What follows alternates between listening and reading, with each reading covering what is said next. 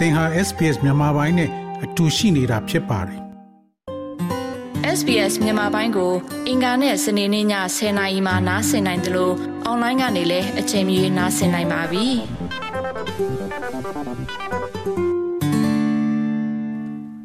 တော်ရရှိမြခင်ဗျာတော်ရရှိများကို social media ပေါ်မှာမဟုတ်မမှန် လောက်ကျမှုအပေါ်ပုံမပြင်းထန်စွာရေးယူရန်ဥပဒေချမ်းအသစ်ကိုပြဋ္ဌာန်းဆိုတဲ့ဆောင်းပါးကိုတင်ဆက်ပေးမှာဖြစ်ပါတယ်။ social media သည်ကျွန်ုပ်တို့ရဲ့ဘဝနဲ့ပတ်သက်သောသတင်းချက်လက်များကိုမျှဝေရန်နေရာတစ်ခုအဖြစ်လူများစွာရဲ့ဘဝဗဟုချက်တွင် ရှိနေပါတယ်။ဒါပေမဲ့ social media မှာသတင်းမှားတွေက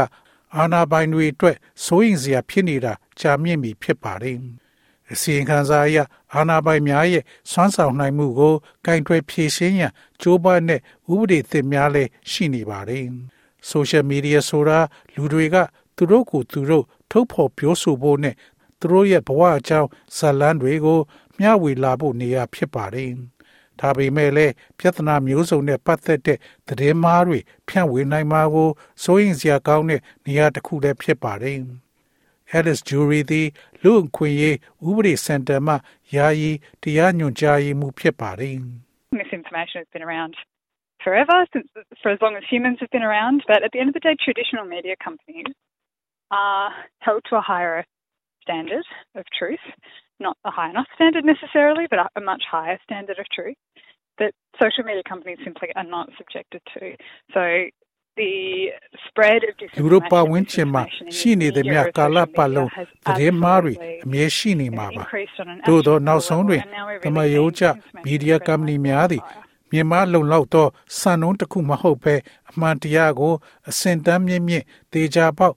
စိုးကိုက်ထားကြပါတယ်သို့သော social media ကုမ္ပဏီများသည်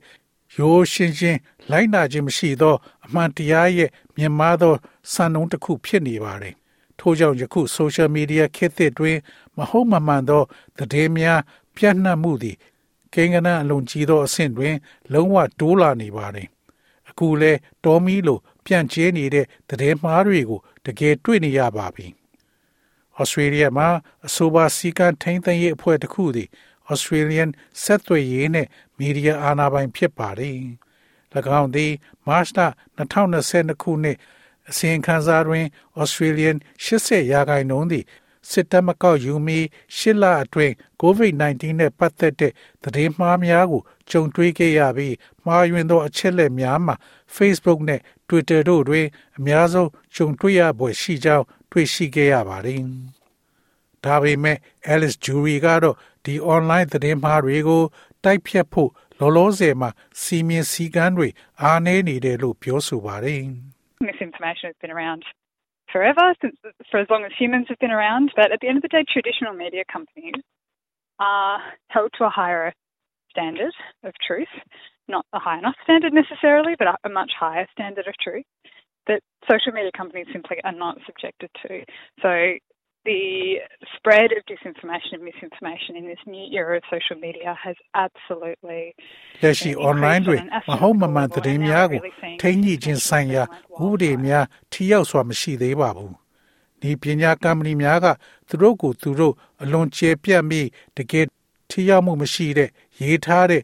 ကျင့်ထုံးတစ်ခုရှိပါတယ်။ဒါကြောင့်စီကံထိန်းသိမ်းရေးအဖွဲ့ဝင်လုပ်ဖို့ဩစတြေးလျမှာနောက်ကျနေတာကြာပြီဖြစ်ပါတယ်။ Federal အစိုးရသည်ဆက်သွယ်ရေးဥပဒေပြင်ဆင်ချက်ဟုခေါ်သောဥပဒေမူကြမ်းအသစ်ဖြင့်၎င်းကို ပြောင်းလဲရန်မျှော်လင့်နေပါသည်။ဥပဒေပြဋ္ဌာန်းချက်အရ ACMA သည်တိကျသော post များကိုဖယ်ရှားရန်တောင်းဆိုပိုင်ခွင့်ရှိမည်မဟုတ်သလိုအမှန်တရားဟုယူဆရသော ဆုံးဖြတ်ရာတွင်၎င်းတွင်အဲ့ဒီအခန်းကဏ္ဍမှာပါဝင်နိုင်မှာမဟုတ်ပါဘူး။ဒါပေမဲ့သတင်းမှားတွေကိုကင်တွယ်ဖြေရှင်းဖို့ ဘယ် platform တွေမှာလှုပ်ဆောင်နေကြတဲ့ Australia ရဲ့တိကျ data ကို ရှာဖွေနိုင်မှာဖြစ်ပြီးလူမှုမီဒီယာ platform တွေမှာကျင့်ထုံးအသစ်တစ်ခုအတွက်စက်မှုလုပ်ငန်းပါဝင်သူတွေကို တောင်းဆိုဖို့အရန်အာဏာတွေပါရှိမှာဖြစ်ပါတယ်။ code ကိုစီရင်သွင်းပြီးပါကမဖြစ်မနေသုံးနိုင်မှာဖြစ်ပါတယ်။ Sydney တက္ကသိုလ်မှမီဒီယာနဲ့ဆက်သွယ်ရေးဆိုင်ရာ တွဲဖက်ပေါမောက်ခဖီယိုနာမာတင်ကဖြစ်နိုင်ခြေအားလုံးတွေတာဝန်ခံမှု ပုံမအားကောင်းရန်လိုအပ်ကြောင်းပြောဆိုပါတယ်။ There are effectively no laws with respect to regulating disinformation online at the moment. There is a code of conduct that the uh, tech companies have written themselves that's very broad, really ineffectual. Effect, that အချက် really လက် does အများပြားသည် nothing. မဟုတ်မ Um, မှန် and so it's လုံ about- ချန်ခြင်းသည် so we're long လူတူ overdue in တစ်ယောက်ကို Australia for a တေချာ regulator ပေါက် stepping in. ပြစ်မှတ်ထားခြင်းမဟုတ်ပါဘူး။ဒါကြောင့်လူတွေရဲ့တွေးခေါ်ပုံကို လွှမ်းမိုးဖို့တကယ့်ကိုဝါဒဖြန့်မှုအဖြစ်ဒီဇိုင်းလုပ်ထားတာပါ။အခုအချိန်မှာကျွန်ုပ်တို့တွေရှိသည့်အရာအလုံးသည် digital platform ဝန်ဆောင်မှုများကိုယ်တိုင်တီထွင်ထားတဲ့စန္ဒအလျောက်ကုတ်တစ်ခုဖြစ်ပါတယ်။ ပြဿနာကအစိုးရကဒါတွေကဒီလောက်ဝေးကွာတယ်လို့မထင်ပါဘူး။ဩစတြေးလျတွင်တရားဝင်လွတ်လပ်စွာပြောဆိုခွင့်ကိုချိုးနှိမ်မိဟုဆက်သွယ်ရေးပြောဆိုခွင့်ရှိသူဒေးဗစ်ကိုမန်ကအတိုက်ခံများကဥပဒေကြမ်းအသစ်ကိုစုပ်ပြည့်ရန်တောင်းဆိုထားပါတယ်။ social media company များသည်ကြီးကြီးမားမားဓာတ်ရိုက်ခံရခြင်းအန္တရာယ်ကိုရှောင်ရှားရန်နောက်ဆုံးတွင်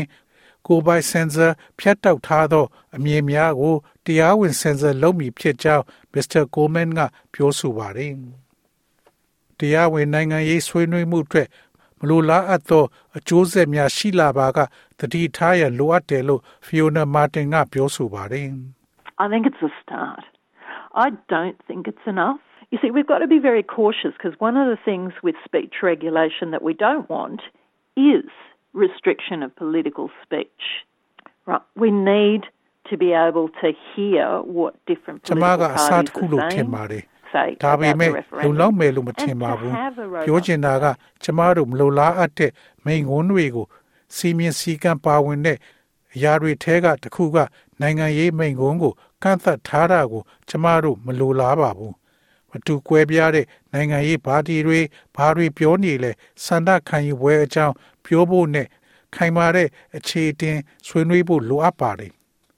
သို့သော University of Western Australia ရဲ့ဈေးကွက်ရှာဖွေရေးလက်ထောက်ဥက္ကဋ္ဌ Paul Harringan ကလွတ်လပ်စွာပြောဆိုခွင့်နဲ့ပတ်သက်ပြီးစိုးရိမ်ပူပန်မှုများကိုအဓိကအားဖြင့်အကျုံးမဝင်ကြောင်းပြောဆိုပါတယ်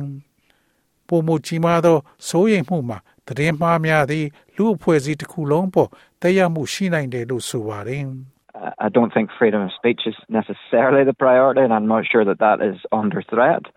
I think what's under threat is um,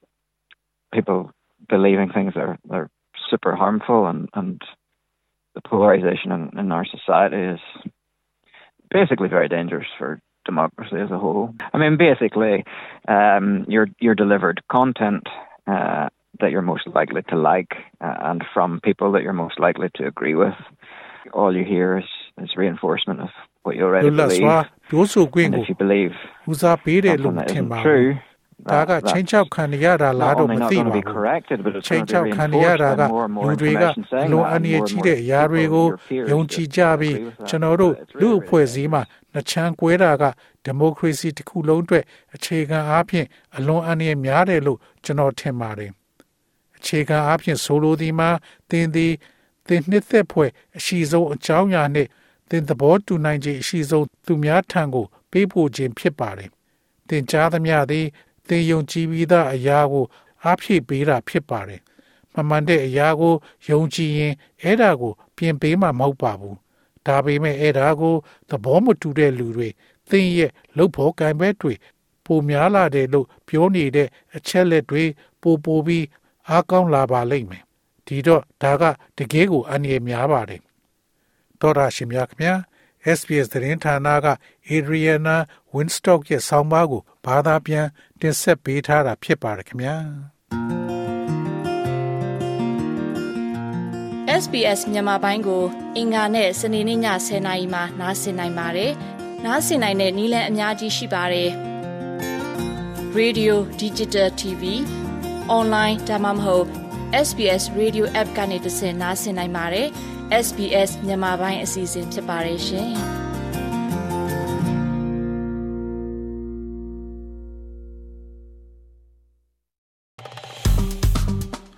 SBS မြန်မာပိုင်းကို Facebook ပေါ်မှာ like ရှာပြီး like မျှဝေမှတ်ချက်ပေးပါ